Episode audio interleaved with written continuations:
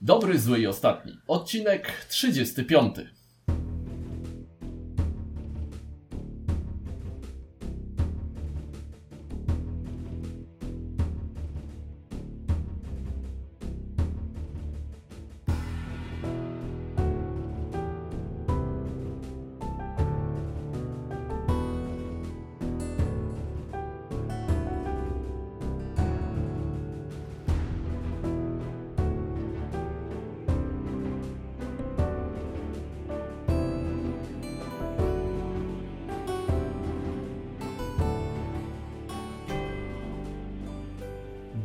dobry wszystkim. Z tej strony Marcin.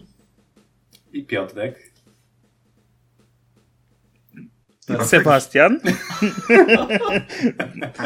Ach, nie było tak łatwo, się ręką nie pokazuje na żywo. I Bartek, jakby ktoś nie słyszał. Dzisiaj jesteśmy w czworo. E, nie ma z nami Łukasza, który zdezerterował na urlop. No i znowu, jak widać, nagrywamy mm, online i tak może właśnie ostatnio trochę zabrakło y, takiego może bardziej oficjalnego przedstawienia, bo z nami jest Sebastian Kajmada, który za każdym razem, jak będziemy nagrywać y, online, mam nadzieję, że będzie do nas dołączał jako jeden z ostatnich. Bo... Jako kropka nad i. Tak, bo nie tak. wiem, czy... Nie, nie... Dokładnie. Nie, nie, nie, nie wiem, czy wszyscy nasi widzowie się zorientowali, że tak naprawdę dobry, zły i ostatni to nie jest ten jeden ostatni, tylko ci ostatni y, uczestnicy tego podcastu i ostatni to jest również liczba mnoga. Dokładnie tak. Więc Zatem nieważne ile będzie. Pierwszego, ostatniego, drugiego, ostatniego i ostatniego ostatniego obecnie. Także ten Marcin, bardzo dziękuję za wprowadzenie. Ja bym poprosił, żeby dzisiaj moderował dyskusję, bo w dwie osoby z Piotrkiem wiedzieliśmy, kto następny, a tu jednak się przyda tak, chyba, Admin. chyba będzie. Chyba po prostu będę was wyciszał. Właśnie, ostatnio. Jak w Sejmie. No, ma pan minutę, proszę bardzo. Albo bez żadnego trybu też. E, dobrze, koniec polityki. E, gry, gry planszowe. Dzisiaj zresztą to ty, Sebastian, zaproponowałeś chyba, tak? Żebyśmy porozmawiali jeszcze trochę o 2020. Już trochę z Piotrkiem e, pogadaliście, jak, jak to tam przeżywaliście, co graliście. Tak Mnie i Bartka nie było, więc trochę może dołączymy. Ale przede wszystkim wybierzemy może jakieś takie top 3 y, gier, które z tego roku. W sumie nie ustaliliśmy tylko, czy to polskie wydania, czy zagraniczne. I tak jest śmiesznie, jak nie wiemy o czym mówimy, jest lepiej, ciekawiej. Tak jest, a, a ja powiem od siebie, że, że jeżeli chodzi o zagraniczne tylko i wyłącznie, mogło być dosyć ciężko, bo e, sytuacja wiadoma w pierwszym półroczu była, więc dużo premier się przesunęło faktycznie na drugą połowę albo nawet na przyszły rok, więc e, co kto chce, tak naprawdę, co kto chce. No właśnie, jest tak. E, ja, ja, ja, ja, muszę, ja, ja muszę pewną, ja przepraszam, proszę o głos, ja pewną ciekawostkę chciałem w, tutaj wprowadzić, mianowicie wydaje mi się, że jedyna gra y, wydana na świecie w 2020, jaką ja zagrałem, zagrałem ją w 2019. Więc nawet nie wiem, czy to się liczy, czy się nie liczy. Liczy. Ale, y, że tak powiem, w drugą stronę, jak również zagrałem sporo gier w tym roku po raz pierwszy, które wydane zostały w latach poprzednich. Y, I postanowiłem, że tak powiem, wybrać trójkę najlepsze, najlepszą trójkę spośród właśnie tych, ponieważ z gier wydanych w 2020 E, to musiałbym jeszcze dla pewności sprawdzić, ale wydaje mi się, że e, poza Hard City, e, które, że tak powiem, również byłbym tutaj stronniczy, ze względu na to, że jest to Locrum Games, to, to chyba nie zagrałem w żadną inną. W ogóle tak jakoś, no bo to chłopaki już gadali, dużo, dużo grywałeś teraz jakoś te ostatnie półrocze? Czy posłucha? Ja grałem, ja grałem zdecydowanie bardzo mało, bo raz, że pandemia, to wszyscy znają ten klimat. Natomiast y, na samym początku, tuż przed pandemią, całe szczęście, y, y, urodził się mój syn, syn pierwszy, a dziecko drugie. Całe szczęście przed pandemią, że mogłem w tym wydarzeniu wziąć udział, a nie tak jak działo się później, kiedy już niestety kobiety były zdane, no może nie tyle na siebie, ale że tak powiem, y, bez towarzystwa swoich mężów czy partnerów. Mhm. Tak, Okay. szczęście w nieszczęściu, tak. To co? To przejdziemy może już do tej głównej Znaczy ja jeszcze, ja jeszcze jeden, No, jeden, jeden taki, szczęście, czekajcie, bo szczęście jeszcze... bo, bo, bo, bo rodzina się powiększyła, więc to jest ogromne, ogromne szczęście, a nieszczęście, że takie globalne, wiesz, dla nas wszystkich i dla przedsiębiorców i tak dalej. No dobra, okej, to jeżeli już o przedsiębiorcach mówimy, bo mm, dzisiaj padła informacja, że Kickstarter oficjalnie będzie jakby dostępny w Polsce. Znaczy on dla wspierających jest dostępny w Polsce, ale firmy, które chcą się wystawić na Kickstarterze, nie miały jakby możliwości, to było robione zawsze przez jakieś firmy trzecie, albo na przykład, Tak tak, jak Phalanx jest zarejestrowaną firmą, y, czy Lucky Duck Games w y, UK, A- Anglii. tak, albo w Niemczech. Teraz Mhm. Jeszcze nie jest, ale jakby w tym roku ma być już oficjalnie, że to chyba Sło Słowacja, Polska i jeszcze jakiś trzeci kraj. E, No i pytanie do Was, czy to jakby myślicie, że to jakoś zmieni tutaj, bo mamy, wspieram to, mamy zagram w to, zresztą całkiem sobie mimo wszystko dobrze radzą e, jakby gry teraz e, Lumeria bodajże, tak, jest na zagram w to. Tak. E, Tkacze Bush na wspieram to też wczoraj. Nie wiem, taka malutka karcianka, na przykład taka, taka jakiś E, dziwny napad- temat, napad na taki Dum- napad na Rapa Nui, Dum- jakieś takie jest. tam. Mhm. Nie, ja mówię o tych takich tam te zwierzątka, monumenty, jakieś takie, nie wiem, jakiś polski Eee. autor. A Tak, ja mam no. takie szybkie pytanie, y, Marcin. No, Y, Będzie można płacić w złotówkach, czy nadal przewalutowanie na dolary? wydaje mi się, że jeżeli będą wchodzić, to, to oznacza, że będzie można płacić w złotówkach. No to mi się wydaje, że to będzie taki no, duża, duża zaleta, bo mnie szczerze mówiąc trochę jednak to przewalutowanie mm, odrzucało. Nigdy, nigdy, nigdy nie wszedłem w żadne. E, Boże, wstyd, powinienem pamiętać jak się nazywa. Revolut. Mhm. Re- Revoluta, Revoluta nigdy nie zakładałem i jednak to przewalutowanie ze zwykłej karty bankowej, debetowej bolało jednak. A kilka rzeczy pewnie bym sam wsparł, a tak to szukałem jakichś grupowych zamówień.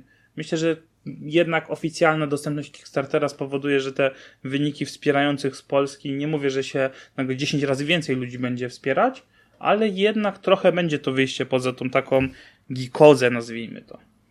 No i pytanie, czy takie małe No ja, właśnie... ja, ja, jed, Mhm. Bartek? ja przyznam się szczerze, że jedną grę prawie wsparłem, natomiast zniechęciło mnie 15 dolarów e, za wysyłkę. No to akurat się nie zmieni, To się będzie po prostu zmieni. 60 zł. No, okej, rozumiem. Natomiast, yy, wiesz co, Ja no nie się... jestem co do tego taki pewien, tak? Jeśli, jeśli, chodzi, jeśli chodzi o polskie firmy, które będą wcho- yy, wchodzić na Kickstartera, no to one będą miały tanią przesyłkę do Polski, tak? No tak, tak. I bardziej chodziło mi o to, czy na przykład właśnie Jeśli- taka czacha, y, czy jakieś takie mniejsze wydawnictwa, czy zamiast na wspieram to albo zagram w to, jednak zdecydują się na Kickstartera.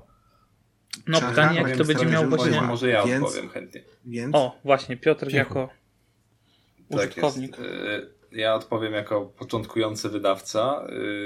Y, Jest to ogromne, ogromne święto dla mnie, ze względu na to, że jakby Kickstarter swoją dostępnością jakby i wieloma funkcjonalnościami no, przede wszystkim zasięgiem, tak? Jednak ym, masakrycznie będzie, będzie lepszym rozwiązaniem niż, niż nasz polski crowdfunding. E, Wiadomo, że, że też nie, nie można pomijać polsk, polskich e, stron, takich właśnie jak wspieram to, zagram w to, ze względu na to, że też sporo polskich klientów się pojawia, którzy nadal pewnie o Kickstarterze nie będą wiedzieli, bo to nadal będzie rozwiązanie dla tych takich bardziej zorientowanych w naszej branży.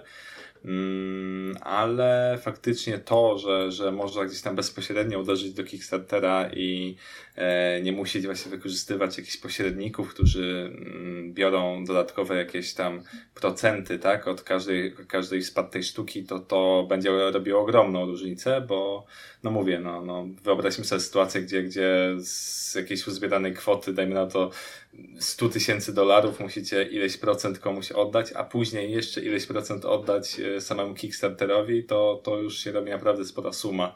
Więc, więc tutaj widzę tą szansę faktycznie dla, dla e, mniejszych wydawców, bo tak jak Mar- Marcin mówił, że, że duzi już sobie dawno z tym poradzili, po prostu mm, wyszli e, z działalnością poza, poza kraj, ale, ale tacy mniejsi faktycznie jak Cloud Games, jak mówiliście, Czacha, jak e, nie wiem, wiele, wiele innych gier, e, wiele, wiele innych wydawców na pewno będzie się wspierać, a powiem więcej, tak jak na przykład Łuki ze swoim wydawnictwem ma swoją platformę Zagram w to, a mimo wszystko też zawsze używał Kickstartera do sprzedaży tam angielskich, niemieckich no, tak, tak, sztuk. Dokładnie. Więc to, to jest jakby czysty zysk. Ja, tak ja naprawdę ja... dzięki temu Łuki zarobię kilka procent więcej na każdym sprzedanym pudełku przyszły, przyszły gier, jakie będzie wydawał. Ja tylko małe sprostowanie. Czacha już y, na Kickstarterze y, zrobiła udaną kampanię, tak a jest. był to impuls w nowej oprawie graficznej z dodatkami. Tak.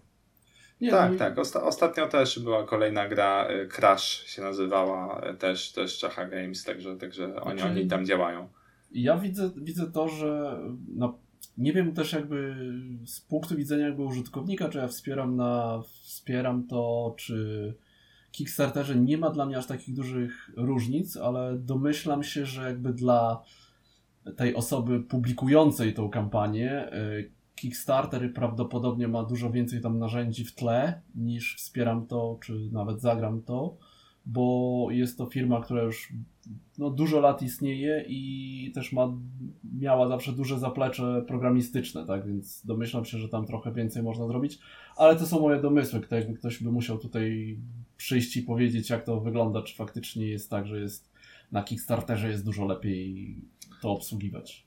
E, jedna istotna różnica, może nie, nie sama funkcjonalność, ale faktycznie warto zaznaczyć tą, tą pewną trudność i, i wyższe wymagania dla wydawców, związana z tym, że mm, wspierając kampanię na Kickstarterze, w każdej chwili wspierający mogą się wycofać, bo tam e, robisz tego pledge'a, ale póki nie minie cała kampania, pieniądze są pobierane na koniec kampanii, tak. w odróżnieniu od polskiego crowdfundingu, gdzie zawsze od razu robimy ten przelew.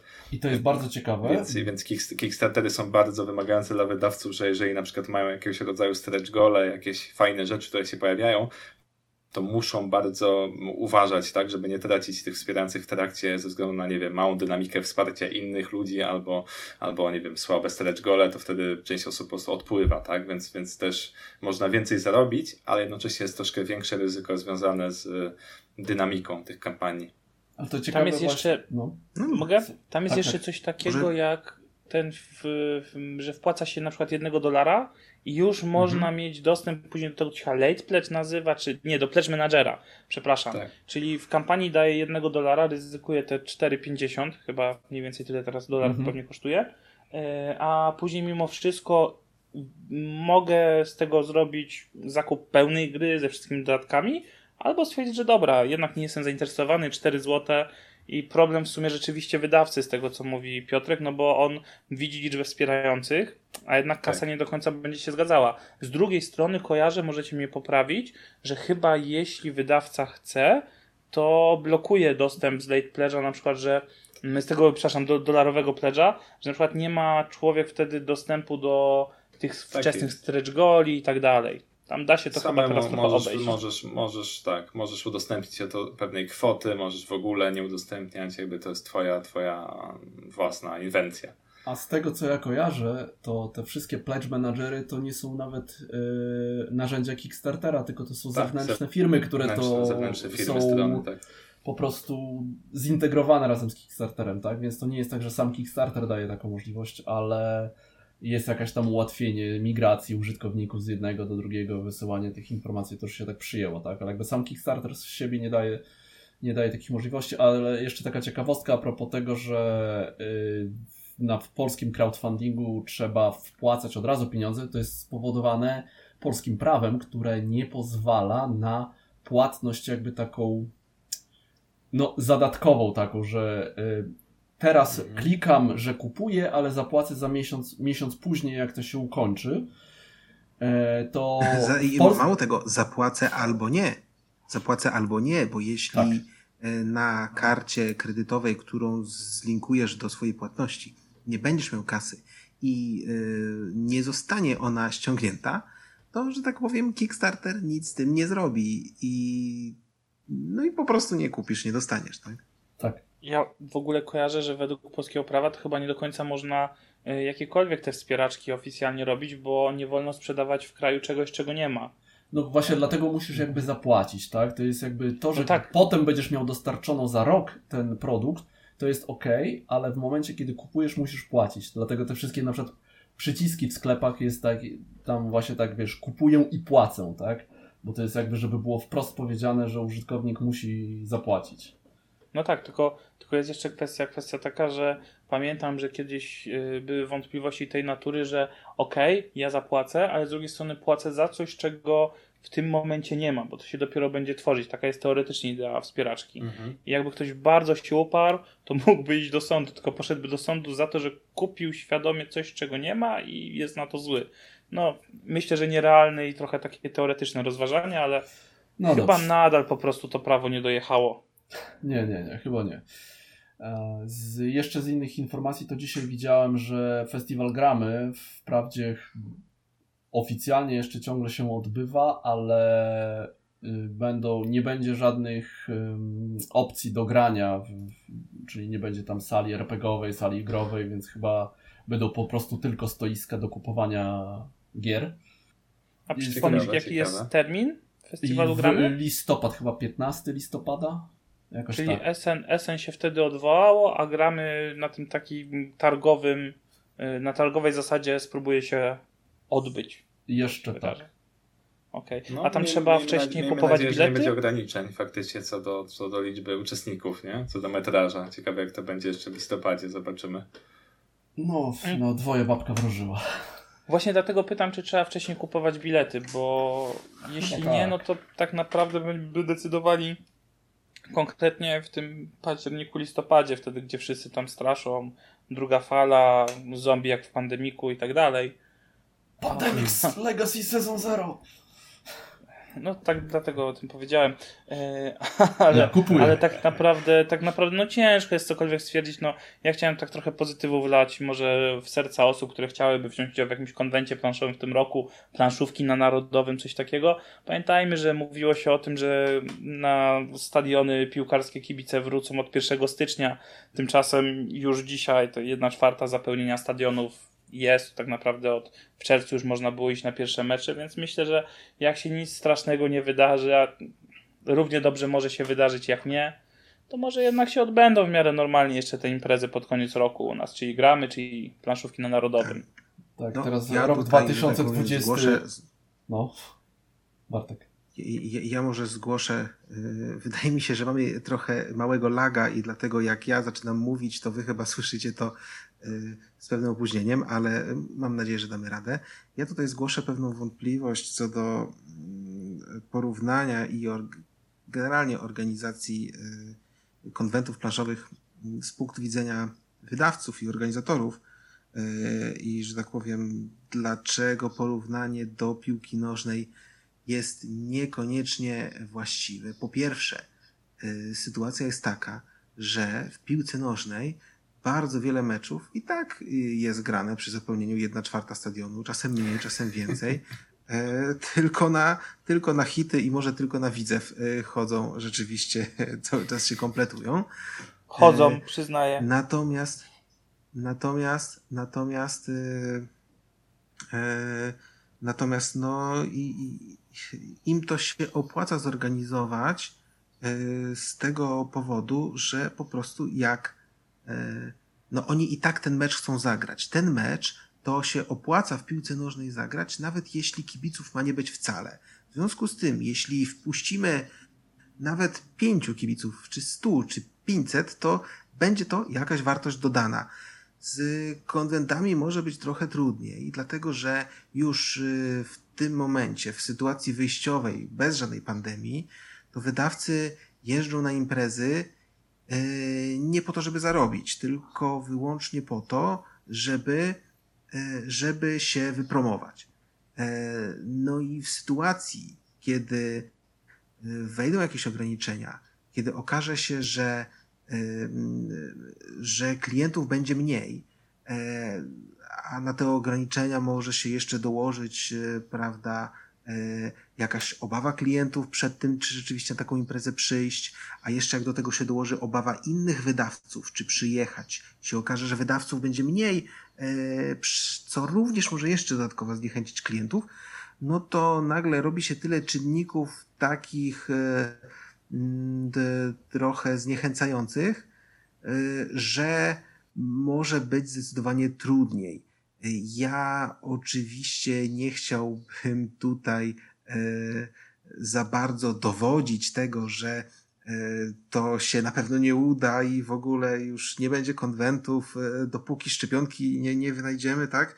Nie no, ma, mam nadzieję, że mimo tych wszystkich trudności, to jednak organizatorzy w różnych miejscach znajdą jakiś sposób na to, żeby może, żeby może zachęcić tych, tych E, klientów, żeby zachęcić wydawców, e, może w jakiś sposób ciut mniejszymi kosztami, ale no i też ogromna część kosztów jest stała. No, mam nadzieję, że to się wszystko jakoś uda, natomiast no, jest to niewątpliwie spore wyzwanie. Dobra, ja chciałem wytłumaczyć, o co mi chodziło z tą piłką nożną. Nie chodziło mi o to, że to jest ta sama sytuacja, bo nie jest, zwłaszcza, że podstawowa różnica jest nawet taka, że mówimy o konwentach w hali, a stadion jest na otwartej przestrzeni. To też tam inaczej do tego się podchodzi yy, prawnie, ale cho chodziło mi o to, że jeszcze przed chwilą uważaliśmy, że po prostu sytuacja jest taka, że nierealne jest nawet, żeby na te stadiony wejść, tak? do, do, do, do, do tego terminu festiwalu gramy, patrzę kiedy my to nagrywamy, są prawie równe 4 miesiące. I ciężko jest w tym momencie e, przewidywać, co będzie za 4 miesiące i się na coś nastawiać. Ja się cieszę, że zakładają, że będą próbować. Pewnie, pewnie w pewnym momencie, nawet na, na 100%, na ten miesiąc wcześniej, nie wiem, to już ty, ty musiałbyś, Bartek, powiedzieć, kiedy będą musiały zapadać te wiążące decyzje Yy, to wtedy będzie, będą musieli się martwić. Ja się bardzo cieszę, że nie założyli z góry, że się na pewno nie uda. Yy, czy ja uważam, że to będzie proste i czy na pewno się odbędzie? Nie. Czy uważam, że jest szansa, że się odbędzie? Tak. Czy uważam, że się odbędzie tak samo jak w tamtym roku? No nie. Jedno, co na pewno 2020 udowodnił, że 4 miesiące to bardzo dużo czasu, w którym może się bardzo dużo rzeczy wydarzyć. Ojej. Tak, tak, tak. Właśnie tak, tak. To... Sebastian, oczywiście z tobą, pełna, pełna zgoda z tobą. Ja oczywiście nie chciałem mówić tego w kontrze do twojej wypowiedzi, tylko, no, że tak powiem, przedstawić sytuację. A, a zgadzamy się w stu procentach. Nie, no jasne, też masz, też masz inne, inne spojrzenie z tej drugiej strony, także ja, to rozumiem, ja też... Yy ja nie, nie, nie, wiem ze swojej perspektywy, ile tak naprawdę to kosztuje, na ile wcześniej musicie to wszystko po swojej stronie wydawnictwa nawet szykować. Już nie mówię o tym, że organizator musi się na to wszystko przyszykować, także no ja rozumiem, że to nie będzie proste, ale cztery miesiące temu wprowadzony został lockdown, zamknięto kraj i ludzie bali się wyjść yy, na klatkę schodową, bo się zarażą. Dzisiaj już to wygląda inaczej. Jak to będzie wyglądało za cztery miesiące, myślę, że mówię, no nie mamy, nie mamy w tym momencie pojęcia. Trzeba trzymać kciuki, no. Znaczy, no na pewno... Głowa do góry. Może być znacznie lepiej, może być znacznie gorzej. Tak. Znaczy na pewno też jest tak, że gdzieś te skutki tej całej pandemii, no to jeszcze będziemy długo obserwować, bo właśnie e, płynność finansowa wydawnictw, tak, i liczba gier, kiedy one będą wychodzić i tak dalej, no to tu się będzie dużo działo i będziemy obserwować, ale to może porozmawiajmy właśnie o jakichś grach trochę optymistycznie. No żeby ja nie wiem, czy jak będziemy rozmawiać o grach z 2020 roku, to będzie optymistycznie, ale okej. Okay.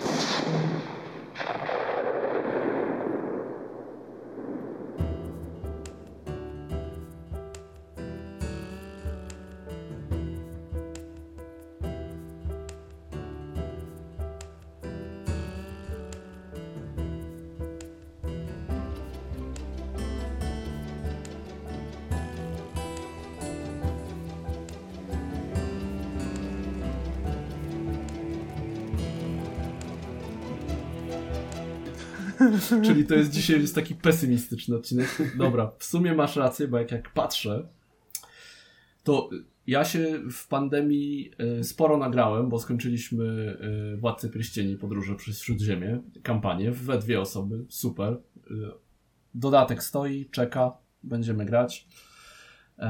No i trochę, i na pewno z takich rzeczy, które się fajnie u nas sprawdziły, to był Blue Moon Legendy. E, czyli taka dwuosobowa karcianka od Reina Raknicji, gdzie się tam nawalasz, jest tam dziewięć różnych frakcji, można tam nawet budować jakieś talie i tak dalej. Bardzo jest bardzo szybkie, bardzo fajne, każda talia inna. E, sporo tematu, jak w ogóle takiego flafu na tych kartach, więc jak ktoś nie próbował, to polecam, aczkolwiek e, instrukcja woła o pomstę do nieba, bo chyba Fantasy Flight, jak to pisało, potem Galacta, jak to tłumaczyła, chcieli za, za wszelką cenę jakby zrobić to takie bardzo ustrukturyzowane, żeby było wiadomo co, gdzie, kiedy, ale to po prostu tak się ciężko to czyta i rozumiem, gdyby nie to, gdyby nie to że grałem kiedyś w wersję elektroniczną, to bym pewnie rzucił tym pudłem o ścianę. No. A o grach z 2020 za, za chwilę jeszcze pogadamy. A ty Piotrek jak tam? Bo nie, nie Piotrek, Bartek, ty ostatnio gadałeś. Ja to, ja to gadałem ostatnio. To już może nagrałeś. Bartek może pogadać, a za chwilę po prostu jak Bartek powie, to płynnie przejdziemy za chwilę sobie do tych, tych naszych najlepszych, które jak zobaczycie też w moim wypadku były ciężkie do, do wylistowania. Ja, ja, ja, ja w sumie mówiłem na samym początku, prawda, o tym, ile grałem, y, to ja, ale może tylko, że tak powiem, dokonam pewnej korekty jednego mojego zeznania. Y, mianowicie nie zagrałem w jedną grę z 2020 roku, y, było ich pięć, natomiast wszystkie pięć zagrałem na etapie prototypu rok wcześniej.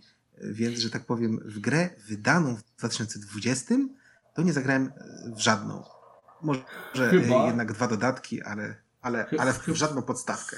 Chyba, że weźmiemy pod uwagę, że King's Dilemma po polsku wyjdzie w 2020 roku, więc zagrałeś w 2020 roku. No, jest to również pewne oszustwo. Ja oczywiście tutaj wspominałem o y, międzynarodowym terminie wydania, nie polskim, to by, no to, to chociaż może to powiedz, większego researchu. Powiedz, w co ciekawego grałeś e... tak z nowości dla ciebie? co ciekawego, rozumiem, że jeszcze nie przechodzimy do naszego top 3. Jeszcze nie. E, natomiast, natomiast e, e, dobra, z nowości, co może oszczędzę już w topce, żeby się za bardzo nie powtarzać, Dominion Menageria. Okej. Okay. Naprawdę, naprawdę muszę przyznać, że naprawdę muszę przyznać, że bardzo mi się podobało podsumowanie Toma Wasela, że mogłoby to się nazywać Dominion Konie Y, rzeczywiście karta konie jest, jest tak bardzo mocno eksploatowana w tej grze, że no, zasłużyłyby naprawdę na miano ty, ty, tytułowej ty, tytułu na pudełku. Natomiast sama gra no, co ja się tam będę rozpowiadał? No, kolejny, kolejny do Dominiona, bardzo po prostu dobrze zrobiony. Nie będę się tu już y, zagłębiał w mechaniki, bo to mało kogo obchodzi, a jak kogoś obchodzi, to już dawno kupił. Y, więc może przejdźmy do, do na, na etapie prototypów, y, no to zagrałem w gry, które nawet nie były, nawet nie były finalne, więc to już byłoby podwójne oszustwo w ogóle mówić, że no zagrałem w Tytanów, y, zagrałem w Entity, ale to, to, to, obie te gry były chyba daleko od swoich wersji finalnych. Y, no Najbliżej co wersji finalnej to zagrałem właśnie w Hard City, o którym wspomniałem. Okej. Okay.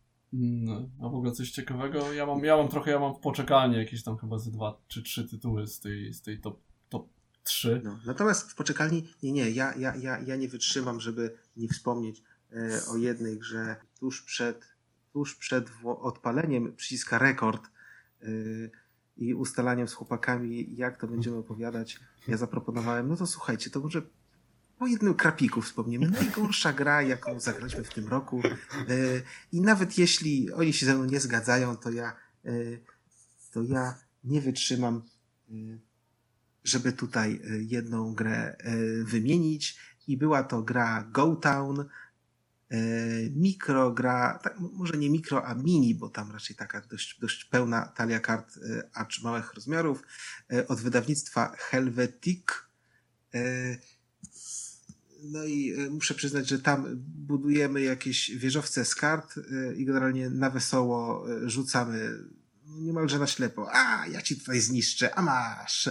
A ja teraz coś wyłożę tu swojego, swojego. O, zniszczyłeś mi. Oj, a to pech ha, ha, ha, nie, nie wiem, czy to śmieszne, czy nieśmieszne. No, było, by, było tak w tej grze, że po prostu gramy, gramy, gramy i po 15 minutach gry ktoś mi zniszczył to, co miałem do zera no i w zasadzie zaczynałem od nowa. I, i, i gra, mimo że na, na BGG trwa 20 minut, to się strasznie męczyliśmy, żeby to dokończyć. Ja, jak, jak ja nie lubię przerywać gier, a już tym bardziej nie lubię przerywać gier krótkich, bo takie chcę zawsze dograć do końca, to tutaj no, zrobiłem to z ledwością. Mi osobiście jedna gra e, wyjątkowo w tym roku się nie spodobała, a, a w sumie mocno na nią liczyłem dosyć. Znaczy ona wydana w Polsce chyba była w tym roku, a na PGG widzę 2018. E, Wolfgang Warsz i Iluzja. Iluzja wydana. Nie, Blue Banana jest fajne. E, Iluzja wydane przez Fox Games u nas. Mm, I gra polega na tym, że ogólnie mm, wyciągamy kartę ze stosu, która ma e, pewną mm, bazę kolorów i wyciągamy strzałkę, która mówi nam o jaki kolor nam chodzi. Czyli na przykład wyciągam zieloną strzałkę, która sugeruje, że muszę ocenić jak dużo zielonego jest na danej wyciągniętej karcie. Następny gracz wyciąga kartę i ocenia, czy tego zielonego koloru na następnej karcie jest więcej czy mniej. I mamy różnego rodzaju kształty, linie, kreski, serduszka, jakieś inne dziwne rzeczy, które mm, bardzo, bardzo przeszkadzają w, w jakby dobrej ocenie, tak? Gdzie jest jakiego koloru. No i w pewnym momencie po prostu ktoś może sprawdzić, e, e, odwrócić karty, bo na, na odwrocie każdej karty widzimy procentowy rozkład kolorów na, na, na danej karcie. Jeżeli mi się udało, to dostaję punkcik, jeżeli mi się nie udało, to punkcik dostaje przeciwnik i w zasadzie to są wszystkie zasady tej gry. Także, także gra, ja bym nawet ciężko dla mnie to grą nazwać, bo to jest coś w rodzaju spostrzegawczości z intuicją, nie wiem, mało gry w grze, w ogóle mnie to jakoś specjalnie nie bawiło. Sam pomysł, jak, jak to w Wolfganga w Warszawie zawsze, zawsze jest bardzo ciekawy, intrygujący, ale, ale sama gra jakoś tak totalnie mi nie, nie, nie, nie podeszła. Hmm. Ja bym chciał się o Warszu w sumie Wolfgangu wypowiedzieć od razu. Właśnie sprawdziłem sobie od razu na BGG, jak to możliwe, że nie mam iluzji w tym roku, czy ja nie zapisałem sobie rozgrywki. Okazało się, że grałem w 28 grudnia 2019 E, A, jeszcze jako daltonista wspominam to jeszcze gorzej niż ty prawdopodobnie. E, znaczy ja tam widziałem nawet te kolory chyba, ale to był dodatkowy poziom stresu w grze, która no, nie miała dla mnie większego sensu. Ja w ogóle uważam, że Wolfganga Warsza za... No, to, to słabo brzmi, szczerze mówiąc. Fajny pomysł, ale słaba gra. No, jak gra jest słaba, no to co z tego, że jest fajny pomysł? No, ja rozumiem, że on ma swoją grupę wielkich zwolenników, i przekonali mnie do czy ty tego, że. tak kupił... o wszystkich jego grach, czy tylko o iluzji? Tak, tak, szczerze mówiąc o wszystkich. Yy, przekonali mnie o. do zakupu karczmy pod pękatym kuflem. Ja tam też nic ciekawego nie widzę. No, grałem czy z tymi modułami, czy bez tych modułów, czy z najlepszymi modułami. Yy, nie, no to znaczy, no to nie była nawet zła gra, to była taka czwórka w skali BGG. Jakby ktoś mnie bardzo prosił, albo dziecko płakało, że chce w to zagrać, to bym zagrał ale tak to nie widzę po co tracić czasu. No. Najlepszą grą Warsza dla mnie nadal jest chyba Fuji. Tak. Yy, i, a Fuji nie. nie. oceniłem jakoś oj, bardzo wysoko. A ja bardzo lubię Fuji. Ale to jest ale dla znaczy, mnie tak, to jest takie 7 na 10, nie? No właśnie o tym mówię, tak. No może, możliwe, że to jest Fuji, 7 na 10, a mówimy Fuji, o nie, nie, gwieździe ostatnich lat w Warszu i najlepszą grą dla mnie jego jest gra 7 na 10. Nie no, The Mind też lubię, ale to już nie będziemy dyskutować, czy to gra, czy to nie gra. The Mind jest bardzo fajne i Blue Banana. Blue Banana też jest okay, fajne. Blue Banana jest fajne. Skillowe. Blue Banana jest nie, da się grać, nie da się grać ze znajomymi. Blue Banana jest fajne. A co, jeszcze Dobrze, jakiś to ja, ja jeszcze, to ja, to ja jeszcze, ja jeszcze bym poprosił a, no. y, dobra, Sebastian, masz jakiegoś krapika jeszcze? Ja mam, ja mam później coś do polecenia, więc y, z krapów okay. skończyłem już. Do, dobra, dobra. Wystarczy, ja, teraz Bartek. Ja jeszcze bym poprosił o głos na, że tak powiem, no może nie do końca w kategorii krapików, nawet bardzo nie w kategorii krapików, natomiast rozczarowanie. Gra, która jest, jest y, bardzo dobra, natomiast liczyłem na więcej, liczyłem wręcz na dużo więcej. E, a jest to dodatek do Azula, kryształowa mozaika. Hmm. E, ja jestem y, uber fanem Azula, y, bardzo lubię wszystkie trzy części. Natomiast kryształowa mozaika to jest y, takie dojenie graczy, jakiego świat jeszcze nie widział. Y, naprawdę w żadnej innej grze, żadna inna gra żaden inny dodatek do jakiejkolwiek gry nie dodał tak mało, jak dodała kryształowa mozaika. No chyba, że pominiemy promosy, tak? No, dodatek w tym pudełku. Jedyną, że tak powiem, zaletą kryształowej mozaiki i, i powodem, dla którego ja się jej nie pozbędę, jest to, że e, mieści się w e, pudełku podstawowym po uprzednim e, usunięciu wypraski. Natomiast, natomiast słuchajcie, tam we wnętrzu tego dodatku znajdziemy cztery plansze i cztery nakładki plastikowe po to, żeby kosteczki, jakie układamy, nam się nie przesuwały. No więc jak, jak zacząłem grać, to, to, to pomyślałem sobie, że no spoko, spoko, ale no trochę niefajnie, że nie mogę tych swoich kosteczek tak, wiecie, przysuwać takim, tak biorę i tak sunę i one tak suną po tej planszy, tylko wsadzam w te, w te wyżłobienia i później muszę je tak wyjmować e, takimi precyzyjnymi ruchami. No i to nie było takie do końca takie satysfakcjonujące. I, i, i ja przez pierwsze trzy ruchy już miałem taką myśl, ach, ale y, będę, prawda, zabłysnę bardzo y, bystrym żartem przy okazji jakiejś recenzji czy podcastu, kiedy powiem, że y, oho, ho, gra w Azula z tymi nakładkami plastikowymi to trochę jak seks z prezerwatywą. No fajnie, fajnie, ale y, może lepiej bez. Natomiast, natomiast, natomiast y, chciałbym, chciałbym jednak w połowie y, mojej rozgrywki jednak stwierdziłem, że ten żart wcale nie, nie będzie odpowiedni dla Mogłeś powiedzieć podca podcastu to, to nie, załapać, a nie w połowie. To, że nie jest, to, że nie jest najwyższych lotów, to jedno, natomiast y, ten żart zupełnie niestety nie pasuje do, y, do porównania y, grania, prawda, Azula normalnie i z tą nakładką, dlatego że w połowie rozgrywki ja już miałem tak dosyć tej nakładki. Ja już naprawdę nie mogłem po prostu zdzierżyć tego, że, że te, te kosteczki mi się tu nie przesuwają.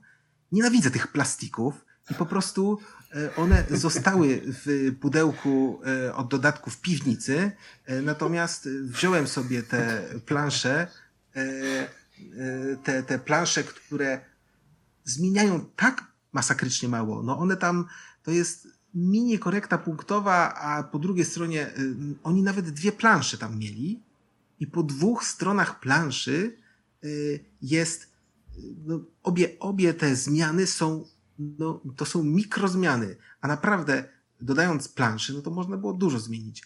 Jestem bardzo rozczarowany, choć no, to nadal jest dobra gra, to nadal jest, kurczę, super, ale, ale no to jest tak mało dodane, no nie kosztowało to dużo, to nie jest drogi dodatek, więc z drugiej strony może ja za bardzo się wyżywam.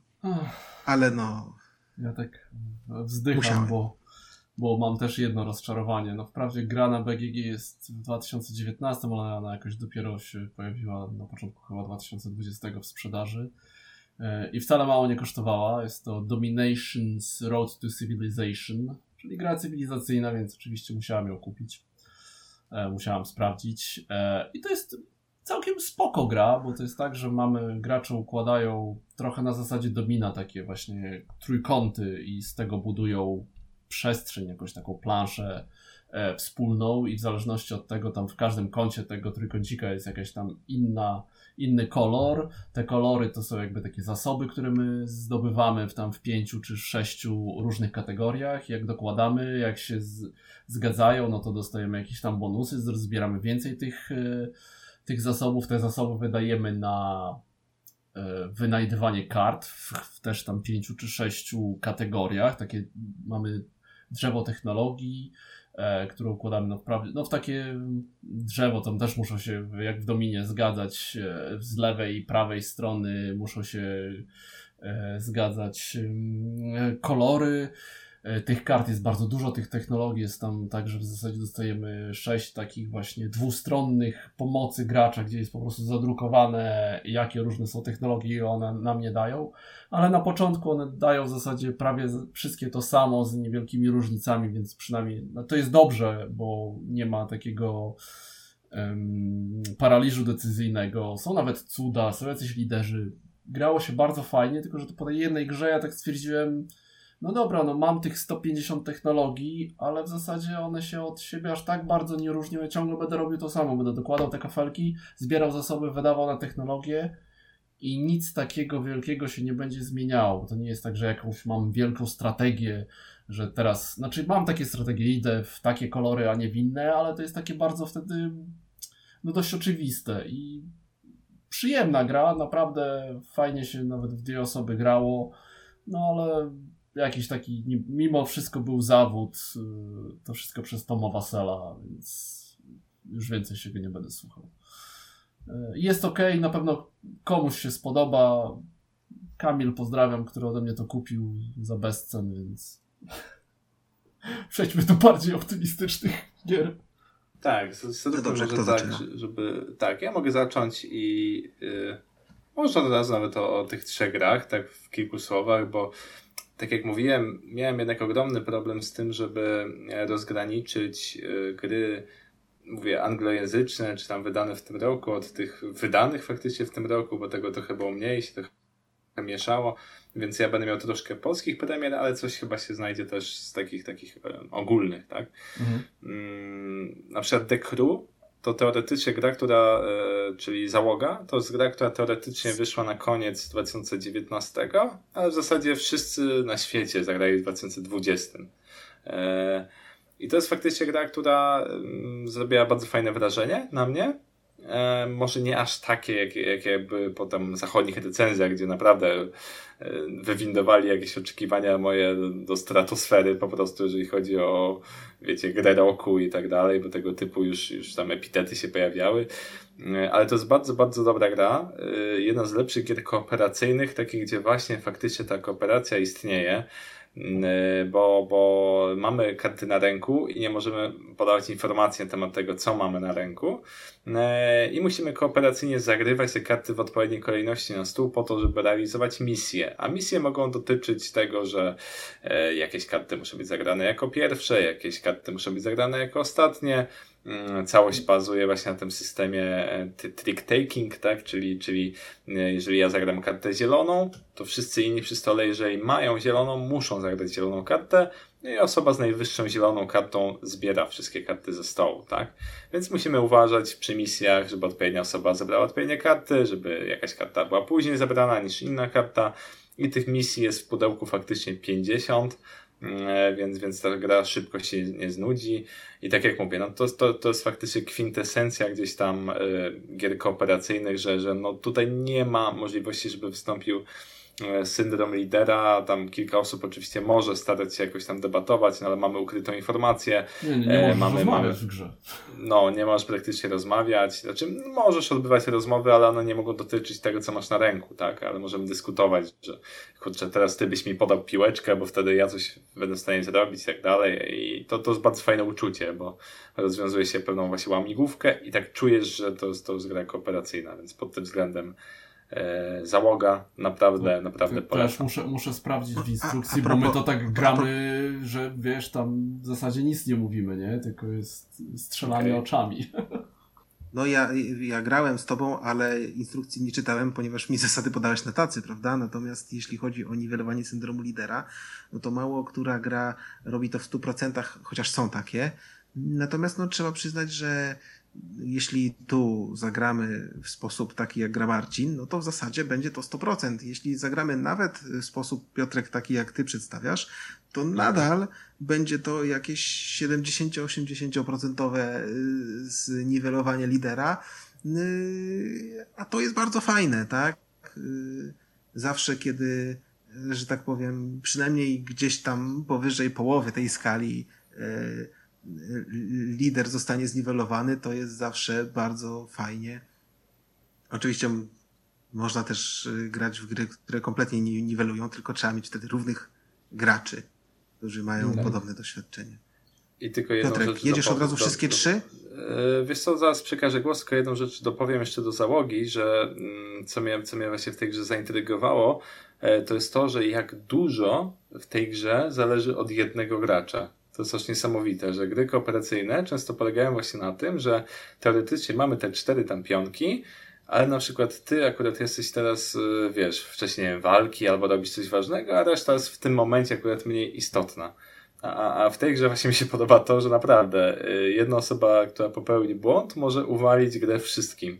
I to może być jednocześnie dla mnie to jest ogromny plus, ale widzę, widzę w niektórych ekipach, że to może być ogromny minus związany z tym, że jak ktoś, wiecie, nie wiem, nieśmiały siedzi przy stole, albo ktoś, kto nie do końca ogarnia zasady, albo coś, to może być bardzo stresujące, ale jednocześnie no, no, może wyciskać fajnie ze wszystkich przy stole, no wszystko tak, muszą z siebie szczęście, dać. Całe szczęście to uwalenie partii dość szybko y, wtedy widać, tak, bo po prostu ktoś tak. źle zagra i to koniec, tak, i gramy jeszcze raz. No. Tak jest. Więc, Dobra, więc ja przekażę Bartek? dalej. Bartek, miejsce trzecie? To było twoje miejsce trzecie, tak? No, bez kolejności. No dobrze, ja, Może a być. ja proponuję, a ja proponuję, ja proponuję pewną niekonwencjonalność. Ja to bym oddał głos teraz, natomiast kiedy przyjdzie już do miejsca pierwszego, to ja wymienię wszystkie swoje trzy gry naraz. No dobrze, to nie wiem. Sebastian, chcesz przejąć pałeczkę? Mogę, ja w tym momencie. Ja cały czas się starałem znaleźć powód, dla którego mógłbym na liście umieścić Quartermaster Generala, drugą edycję drugowojennego, ale to i na zachodzie wyszło w 2019, ale w Polsce nie wyszło w ogóle. Więc gdyby ktoś to wziął i gdyby to wydał, 2022. Jeszcze zdąży? Nie, tak, nie, no nie zdąży, nie zdąży. Ja powiem zaraz, y, co naprawdę jest na tym trzecim miejscu, ale koniecznie chciałem wspomnieć tutaj o e, drugiej edycji Quartermaster Generala. E, ja grałem w poprzedniego, czyli pierwszowojennego, który mi się podobał, ale moim kolegom bardzo się nie spodobało. To jest gra na, tamta była na 5 osób, to jest na 6 osób. Każdy ma swoją, swoją nację i prowadzi ją w tej, albo w tej pierwszej wojnie, albo tej drugiej. E, liczą się linie zaopatrzenia, stąd kwatermistrz i w wielkim skrócie, drugowojenna edycja wjechała na stół. Zagraliśmy w to trzy razy w ciągu dwóch dni, co jest jakimś rekordem, biorąc pod uwagę, ile ja mam różnych gier do ogrania. E, sześć osób, godzinka na całą wojnę. E, widziałem tam takie rzeczy jak no, Niemcy w Moskwie czy Amerykanie w Rzymie, to jeszcze coś standardowego, ale marynarka włoska przy wschodnim wybrzeżu Stanów Zjednoczonych, no to już rzadziej widoczne i trochę ciężko sobie wyobrazić to, jakby to miało naprawdę wyglądać. Jestem grom zachwycony, jak ktoś lubi takie lżejsze podejście do gier wojennych, to bardzo polecam. E, a teraz już przestanę oszukiwać. 2020 Chyba słychać trochę mój żal, jeśli chodzi o to, co się dzieje w tym roku na rynku wydawniczym. I ja na trzecim miejscu umieściłbym Viticulture od mhm. Phalanxów, bo jednak idę tym, że to zostało wydane w Polsce w 2020 roku. No i to jest takie proste, szczerze mówiąc, euro od y, twórcy m.in. Saita czy Tapestry, czyli Jimmy'ego Stegmayera. Yy, no i to jest taka esencja euro w euro. Dla mojej żony trochę za krótka kołderka. Dla mnie dokładnie tak, jak to powinno być, czyli mogę sobie szybko rzucić się na punkty, przyspieszyć skończenie rozgrywki i cieszyć się, że wygrałem. Yy, no to ja, ja, ja tak... Taskani już to, to, to, nie jest aż tak proste. I właśnie żeby... wiem, że Taskani, Taskani polepsza tę grę, no bo tak naprawdę zagraliśmy to kilka razy i no pewnie jeszcze zagramy w większej liczbie osób, ja bo graliśmy szczerze, dwie osoby. Mhm. Bartek? Przyznam szczerze, jeśli mogę się wtrącić, że ja e, raszowanie we wszelkich grach, chociaż zawsze mnie bardzo kusi. Zawsze jakoś ja jestem podatny na to, że jeśli grę można zraszować, to jakoś tak ciężko mi się naprawdę temu oprzeć. A nawet jeśli wygram poprzez raszowanie, to jakoś mam, nie mam później satysfakcji z tego zwycięstwa. I to, to, to jest jakiś paradoks. Naprawdę. Mhm. Nie wiem. Nie chcę z Bartkiem w StarCrafta grać i Warcrafta. Ja do tego, ja do tego ja tematu, to... co Bartek powiedział, wrócę przy moim pierwszym miejscu. Tutaj tylko skończę, że znaczy, no to jest naprawdę to jest fajna gra Viticulture, e, ale to, no dziwię się, że bo zajmuje to trzecie miejsce, ale no nie miałem Nie miałem jest, czego tutaj włożyć. No. To jest tak, że ten Viticulture y, jest naprawdę fajną grą takiego, takim pierwszym krokiem w bardziej zaawansowane gry typu tam właśnie worker placement i tak dalej, bo ona jest na tyle lekka, że da się ją taką w miarę zielonej rodzinie wytłumaczyć, e, a gracze właśnie te parę partii też dadzą radę pograć. No, wiem, że do dodatek Toskania tam wynosiłem podobno na wyższy poziom, więc bardzo czekam. No i to jest moje miejsce trzecie. No, Marcin w skrócie powiedział to, co, to, co, to, co, to, co o niej myślę, jeszcze tego sobie sam nie potwierdziłem. No i to jest trzecie miejsce w 2020 roku, a mamy 16 lipca. No cóż. No właśnie. Y, ja za dużo, ja w sumie pewnie top 5 dałbym radę ułożyć, może top 6, bo też tak dużo nie grałem. Sporo jakichś takich małych rzeczy, w stylu Point Sala, najlepsza gra dla kotów, małe, fajne giereczki.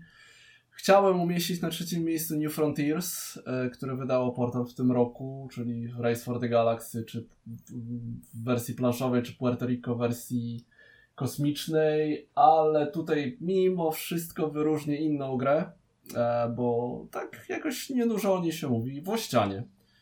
E, to jest taka karcianeczka kickstarterowa z, nie wiem, chyba sprzed roku.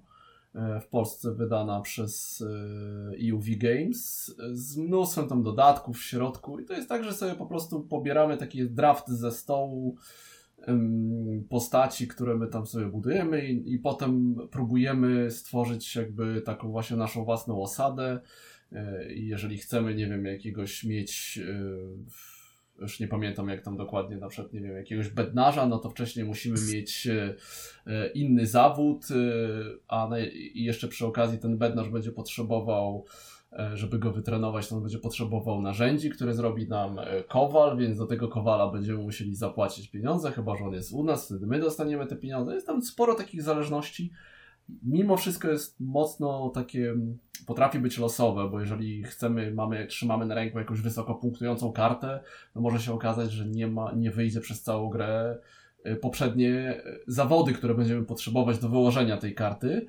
E, nie mam tutaj jakby w ogóle mi to nie przeszkadza, podoba mi się y, w miarę szybko się w to gra, bo to jest tak jak już się pozna, jest trochę zakręcone rozstawienie e, tej gry, ale jak tak już się nauczysz, ładnie sobie się wszystko poukłada, karty w pudełku, no to rozstawienie to jest tam 2-3 minuty i potem w zasadzie 45 minut. Takiej w miarę mięsistej gry, która trochę takim deckbuildingiem pachnie, no bo to takie, nie może nie deckbuildingiem, draftem, tak? Draftowanie kart ze stołu.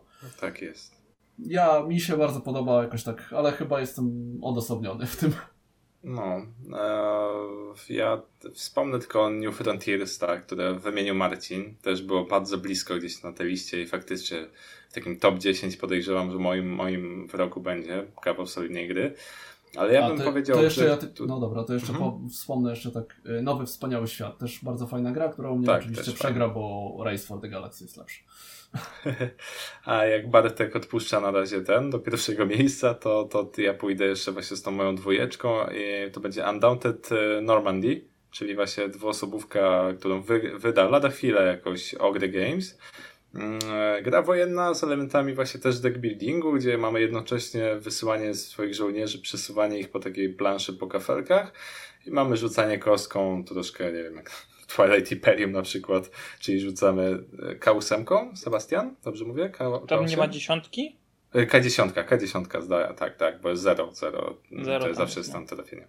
K10, e, tak. No i ogólnie rzecz biorąc e, mamy różnego rodzaju scenariusze, gra dwuosobowa mm, e, i, i, bardzo ciekawy właśnie system jest tworzenia tych, tych swoich oddziałów, że, że każdy, każdy z naszych żołnierzy jest specjalistą jakby z innej rzeczy, którą robimy na planszy i musimy tak mądrze zarządzać właśnie tą naszą talią i tak ją odchudzać, a w pewnym momencie budować i w sumie nie wiadomo jakie jest dobre rozwiązanie, więc sam sam sobie ten system naprawdę mnie intryguje mm, i, i będę chciał tekstu? zdecydowanie więcej w to grać. Jeszcze raz? Czy tam jest dużo tekstu na kartach? Um, nie. Tekstu nie ma dużo, bardziej hasła są, wiesz? Mhm. Musisz tam, wiesz, masz, jesteś strzelcem, albo jesteś niezłomny, albo i tak okay. dalej, i, i masz konkretne jakieś tam hasła, albo mobilny, i, i musisz wiedzieć, co to znaczy. Y, to jest jedyna tam zawiłość, tak, językowa, może w ten sposób. Okay, okay.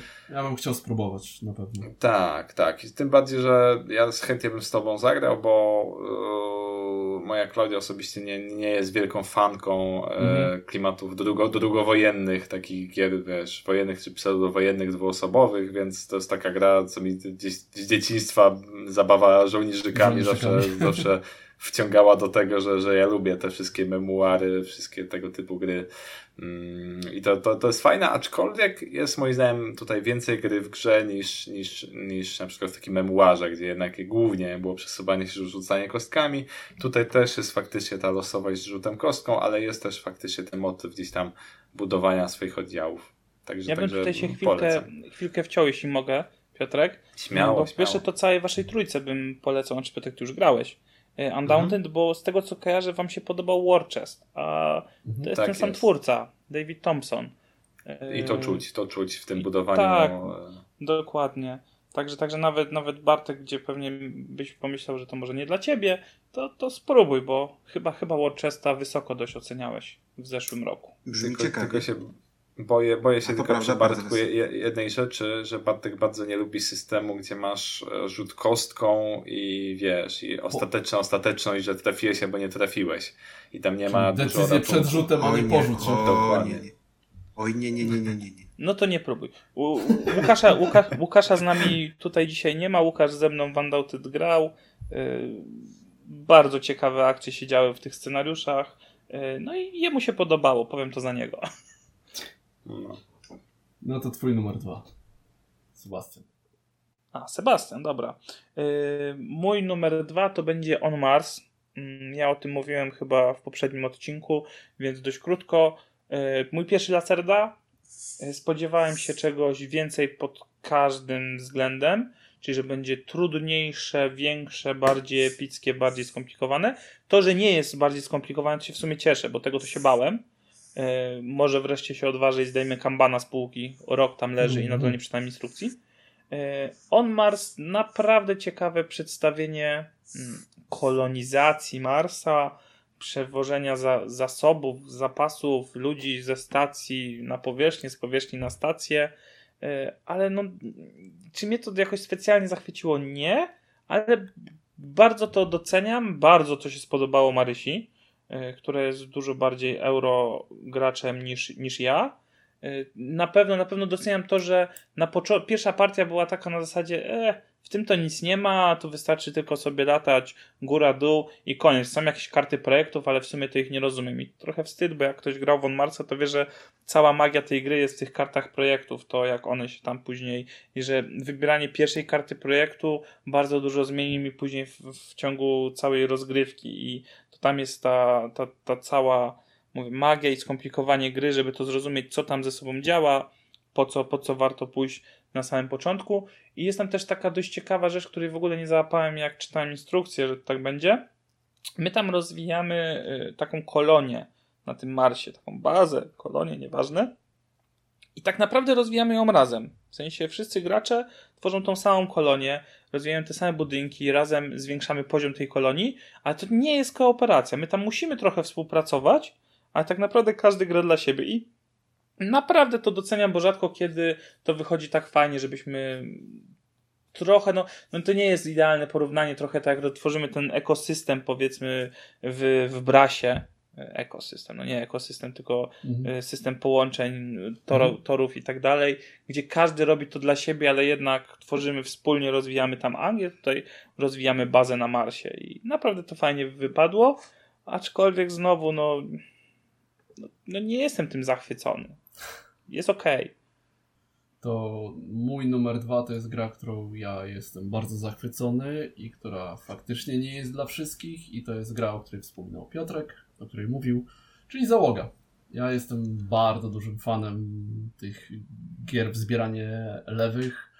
E, Tichu czy Niet to są.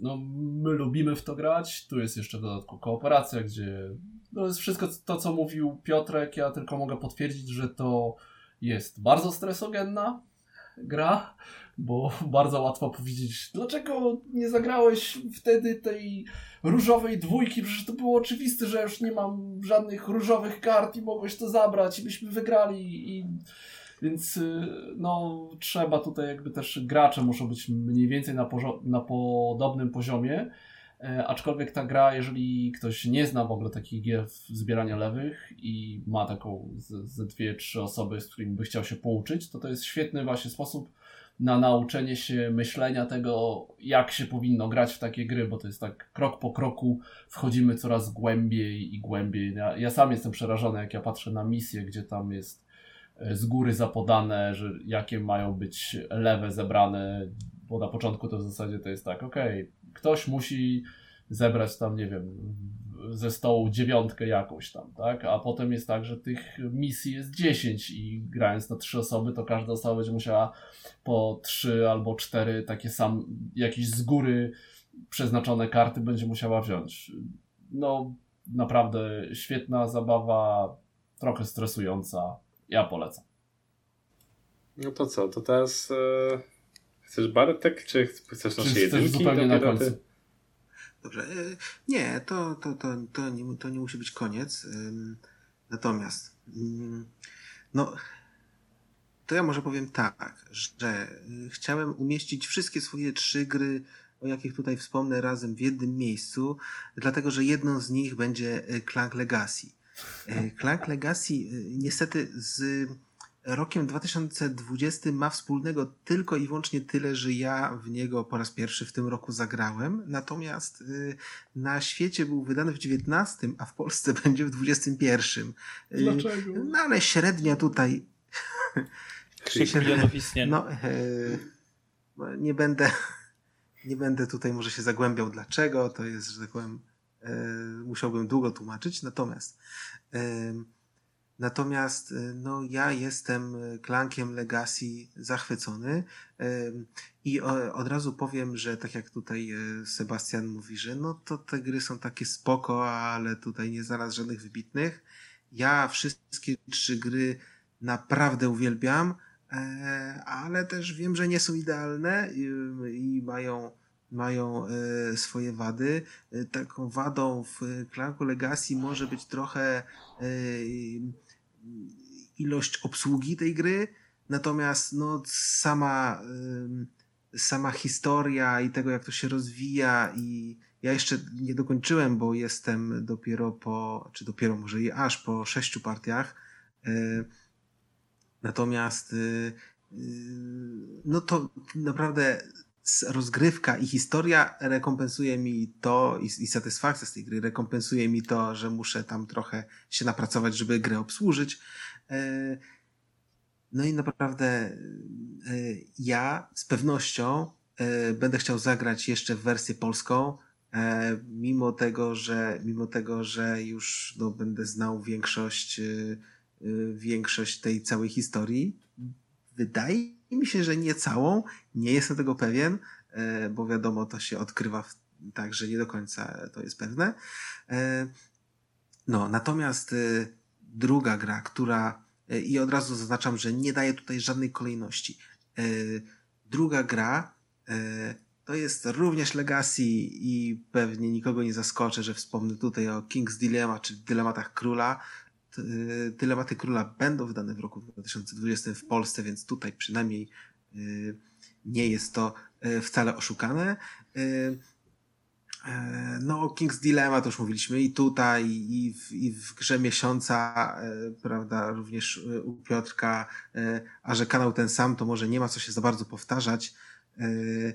Natomiast, tak, że tak powiem, przykornie, żeby nie wpadać w same, w same zachwyty, to y, powiem może, jaką tam małą, czy może nawet wcale nie taką małą wadę znalazłem w tej grze, mianowicie zdarzyła mi się taka jedna partia, w której, y, w której pasowałem przez wszystkie licytacje oprócz jednej, w której bardzo mocnym licytowaniem doprowadziłem do wyniku takiego, jaki chciałem, no i wygrałem, tak?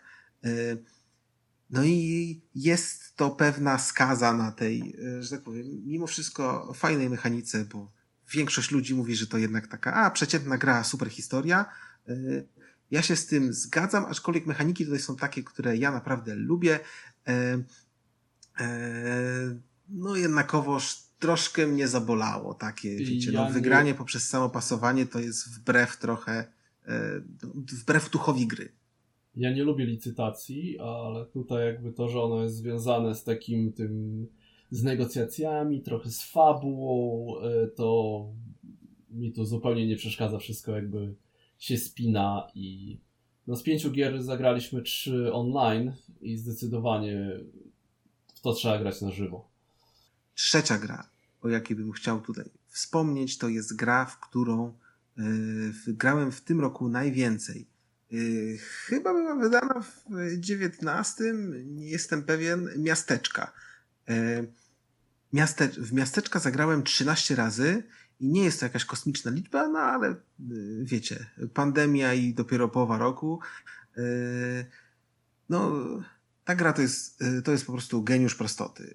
I tu w tej grze działa niemalże wszystko, ale w ostatniej trzynastej grze yy, znalazłem, znalazłem yy, jeden monument, który grę psuje. W związku z tym wyrzuciłem go z gry i gra nadal jest idealna.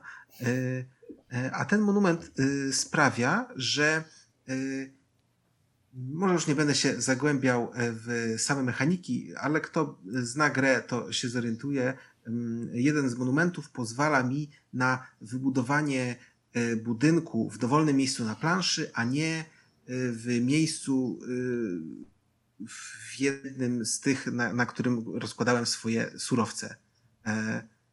No i to i to jest podwójnie słabe, bo po pierwsze zabiera mi jako graczowi, jak kiedy ja posiadałem ten budynek, daje mi ogromną moc, ogromną przewagę, a mało tego, że mi daje taką przewagę, to jeszcze zabiera mi y, to całe kombinowanie, które w tej grze jest najfajniejsze.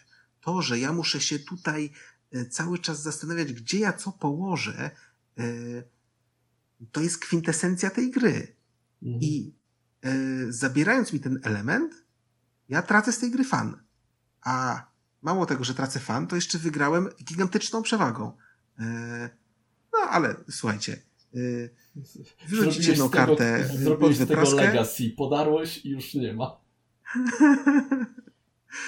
no, wrzuciłem pod wypraskę i nie zamierzam wyciągać. E, no i na tym zakończę. Jeszcze, jeszcze znalazłem tutaj znalazłem tutaj fajną ciekawostkę y, wyobraźcie sobie, że w styczniu i w lutym zagrałem w sumie 84 partie, najróżniejsze gry, natomiast w marcu, kwietniu, maju i czerwcu, ponieważ w lipcu nie zagrałem nic, e, co nie jest w sumie zaskakujące, bo tym bardziej, że ostatni tydzień spędziłem w szpitalu, e, e, a lipiec jest w połowie.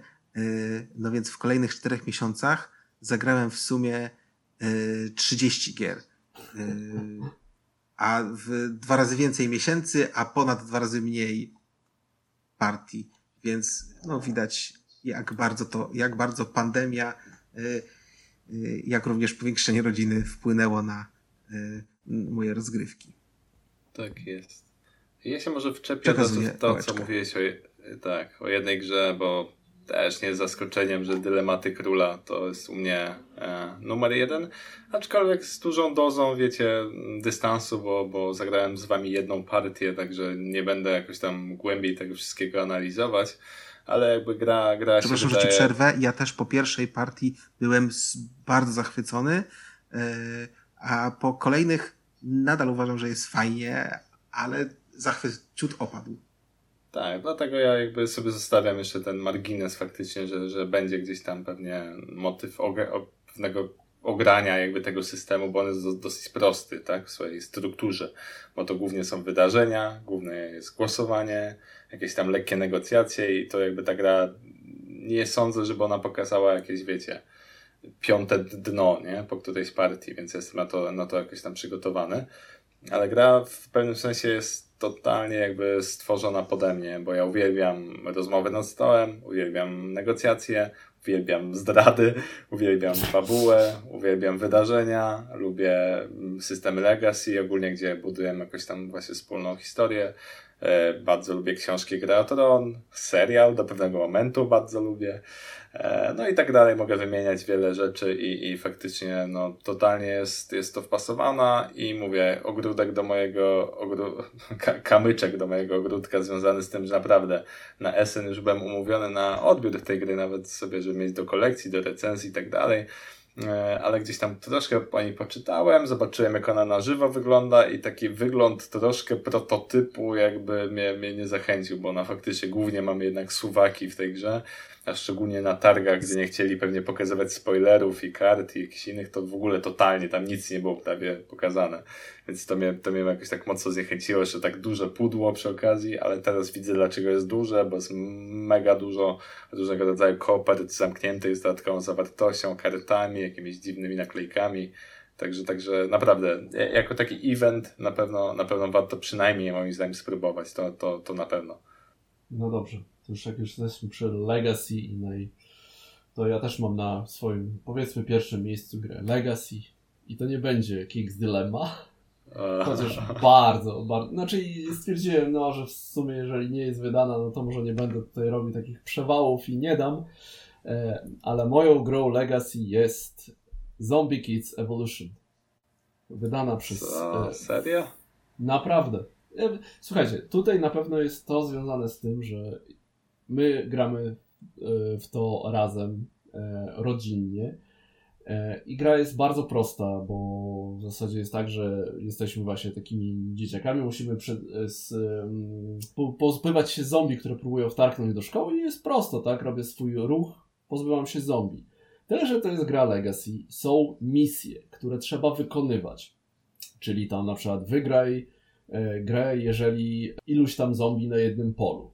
E, I są oczywiście, jest tak, że za każdą partię nalepiamy nalepeczkę, a za misję też możemy nalepić drugą. I to jest tak, że po prostu niezależnie od tego, czy będziemy wygrywać, czy nie, idziemy jakoś tam do przodu i zaczynamy otwierać e, koperty z dodatkową zawartością, które zmieniają, dodają zasady, które się, i nagle się gra robi troszeczkę taka bardziej może skomplikowana. Jest dużo więcej kombinowania. Po prostu ta gra sprawiła mi tyle frajdy, tyle radości. Naprawdę polecam dla wszystkich rodziców z dziećmi w takim gdzieś tam wczesnoszkolnym i szkolnym, nawet tak do tam podbijając do nastolatków. Ja myślę, że tak spokojnie jakby po prostu wziąć i usiąść w takim nawet gronie geeków, ponieważ partia to jest jakieś 10-15 minut, a jest sporo takiego kombinowania. Ok, to teraz spróbujemy wykonać tę misję, więc musimy coś tam specjalnie spróbować zrobić, żeby, żeby nam się ta misja udała. Jest dodatkowa zawartość, tam są jakieś dodatkowe moce, są nowe reguły. Nie skończyliśmy jeszcze 12 partii za nami, jeszcze tam z 10 zostało chyba do końca. Ja bardzo polecam, naprawdę w tym roku jeszcze szczególnie na ten czas taki zamknięcia w, w domu y, z dziećmi i z Agnieszką, to było to naprawdę super i jest super. Zaskoczenie. Okej, okay. faktycznie. Zaskoczenie. Dobra, wchodzę. Sebastian. Ja właśnie wszedłem na stronę sklepu i już rozważam zakup. Ja to rozważałem zakup, y, ale tak się zacząłem zastanawiać, że pewnie bym to zostawiał na to, aż moje dziecko będzie większe. Moje dziecko nie skończy jeszcze tak. trzech lat, także. Trochę tak. Chyba, chyba za długo by miało mm, leżeć w szafie. To spokojnie w, w, już jest w, jakby autor robi Zombie Teens Evolution, więc no tak za, za, założyłem, że jednak aż, aż z takim wyprzedzeniem nie będę kupował, ale no skoro wszyscy dajecie gry legacy na pierwszym miejscu, to można by... przewał i zmienisz w ostatniej sekundzie. Nie, nie ma przewału, tylko to nie do końca jest gra legacy, ale posiada kam kampanię jakby legacy, tylko nic się nie psuje. Czyli mówię o Maracaibo. I to jest gra, którą wreszcie mogę dać z takim przekonaniem, że naprawdę mi się podobała. Znaczy poprzednie też mi się podobało, ale to jest taka naprawdę uważam, że to jest jedna z najlepszych gier Fistera, w jakie grałem. Jest to też takie Best of Alexander Fister, mówię to pewnie trzeci raz na antenie, powiedzmy, na kanale Piotrka. Yy, no bo rzeczywiście wziął najfajniejsze rzeczy z Mombasy, Great Western Trail, yy, z Blackouta i to złożył, złożył w jedną grę. Dodał kampanię. Kampania jest Kampania jest bardzo ciekawa mechanicznie, gdzie dochodzą nowe, nowe rzeczy. Yy, bo może, może, może troszkę przybliżę. To jest taki wyścig jak GWT dookoła, dookoła Karaibów, tylko zbieramy niczym w Mombasie. To nie są kontrakty handlowe tym razem, tylko to jest jakby poparcie y, danych państw, ponieważ o panowanie nad Karaibami walczą Francuzi, Anglicy i Hiszpanie i oni będą zdobywać własne punkty, które będą się mnożyć na nasze, powiedzmy, udziały w tych krajach. No i jest w tym kampania i mechanicznie jest super. Dochodzą nowe elementy. Tutaj sztorm, tutaj piraci, tu jakaś epidemia. No nie chcę spoilerować w tym momencie, bo są niektórzy wrażliwi pewnie i tego słuchają może już dostali jakieś gorączki po tym, że powiedziałem, że na morzu może być sztorm. Okej, okay? może być. Yy, ale, ale jeśli chodzi o tą część historii, to to jest dramat. To jest, to nawet nie można powiedzieć, że jest sztampowe, to nawet nie można powiedzieć, że to jest słabe, to, to jest, to nie, wiem, nie wiem kto to pisał w ogóle, ale im dalej w las, tym gorzej. Ale nadal bardzo się cieszę, że zagraliśmy całą kampanię, yy, że zobaczyliśmy wszystko, co ta gra miała do pokazania. Mm, mimo, że no nie chciałem, znaczy no historia, no dram, dramat, nie, no straszne to jest. Ale jak się pominie tą historię i samo to zabawa w to dokładanie nowych elementów, chowanie, wrzucanie nowych kart, to jest super. Mechanicznie jest bardzo fajnie do momentu, kiedy Sebastian nie wziął i nie stwierdził, a czy tego przypadkiem nie da się zraszować? No i jeśli wyobraźcie sobie granie w GWT, znaczy nie pamiętam ile, ile powinno się w GWT robić jeden obrót, tak jakby po planszy, ale jeśli ja byłem w stanie skończyć partię w tam chyba są trzy rundy albo cztery, teraz trzy, trzy ruchy na rundę robiłem i to naprawdę nie jest fajne, zwłaszcza, że ten trzeci już był kończący, kończący tak jakby całą rundę, tych rund są trzy, skończyliśmy tą partię śmiesznie szybko, żona się na mnie obraziła, no i było ciężko. nie, znaczy nie powinny gry na to pozwalać mimo wszystko. Bo ja czytam sobie teraz opinię o, o Maracaibo, że fajna gra, robimy tam 300 punktów. Ja mówię, no dobra, ale no to ktoś ci pozwolił, bo, bo, bo, bo my tutaj sterujemy grą sami. Jak szybko ktoś do. Bo w GWT było tak, że jeśli dojeżdżasz do San Francisco, tak San Francisco było na końcu chyba, mhm. to startujesz od początku i tyle. A tu jeśli dojeżdżasz do. Yy, na Kubę wracasz, to chyba na Kubę, no to wszyscy startujemy od początku i mamy skończoną liczbę razy, kiedy możesz dojść do tej mety. Więc jeśli ja się uparłem, że będę bardzo szybko biegł do tej mety, a moi przeciwnicy się zorientowali dopiero za drugim razem, jak ja to robiłem, to nie doszli do takiego miejsca, gdzie można zdobywać udziały.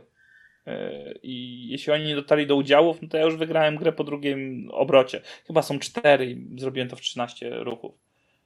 I no, no spoko, no później się zagraliśmy drugą partię, gdzie wiedzieli co chcę zrobić i wszyscy robili to samo. Już nie wygrałem, ale no nie było to już zabawne.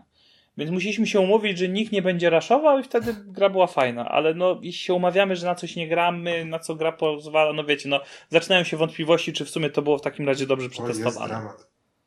No, no wiem, Bartek, że uważasz, że to jest dramat. No, ja mam problem, bo naprawdę bardzo dobrze się bawiłem ale no miałem takie uczucie jak, no już nie będę wracał do, do Sifola, tak, no nie. Bo, bo nie, ale no no przez to nie mam ochoty, skończyłem kampanię, bawiłem się super, ale nie mam ochoty wracać, mimo że gra taka pełna, pokampanijna, troszkę utrudnia taki pełny raż, bo dodaje coś, co powoduje, że potrzebuje jednego ruchu na pewno więcej, e, żeby, żeby zrobić pełen obrót.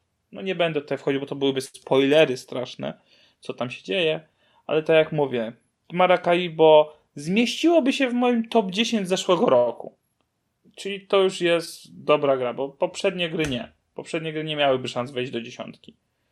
Szkoda, że nie grałem w King's Dilemma, bo pewnie, pewnie tak was słucham, tak sobie o tym czytam, też bym to wrzucił, no ale jeszcze nie grałem, zagram, zobaczę, będę mógł się chwalić dopiero wtedy. Tak jest. Pogadamy pod koniec Bart, roku, zobaczymy czy ty jeszcze jak... coś tam masz, czy ty już się tam wyczerpałeś tymi trzema swoimi i jednym krapem? Ja już, ja już wszystko powiedziałem, co miałem do powiedzenia. Czyli, czyli Bartek użyłeś tak, yy, pierwsza gra z 21 roku, yy, druga gra, no niech będzie z 20, tak? A miasteczka tak, były z 19. A, a miasteczka z 19. Tak. Ale wszystkie Tak, Legacy, bo z miasteczek też zrobił Legacy. Co? No proszę kartę. będą? A, okej. Mm. Aha, okej. Okej. Ale było sucho, jeja. Co tu się właśnie wydarzyło? No, czego się Marcin, spodziewałeś? No, Marcin, czego się takie rzeczy, takie rzeczy robi się na początku. Suchy żart prowadzącego. Karol Strasburger, Wojciech Piela, początek. No, no to my tak z tym optymistycznym akcentem zawsze kończymy, to dzisiaj zakończymy suchym akcentem. No. Tak, i No teraz może e, lepszy niż ten pytanie, jaka kolejność żegnania, żeby, ten, żeby to jakkolwiek zadziałało, a nie było e, takiej frapującej ciszy. Alfabetycznie. O nie, A, a imionami czy nikami? daj kartkę. Dobrze. Słuchajcie. e, no to tyle, że faktycznie chyba, jeżeli chodzi o ten odcinek, Może wszyscy bardziej naraz. sucho nie będzie. Do widzenia. Trzymajcie się, zobaczymy się w 36, usłyszymy się w 36 odcinku. Zobaczymy w jakim składzie, większym, mniejszym. Może będzie trochę Dziękujemy bardziej optymistycznie. Dziękujemy za uwagę, trzymajcie się. Trzymajcie się. hej. Na razie. Hej.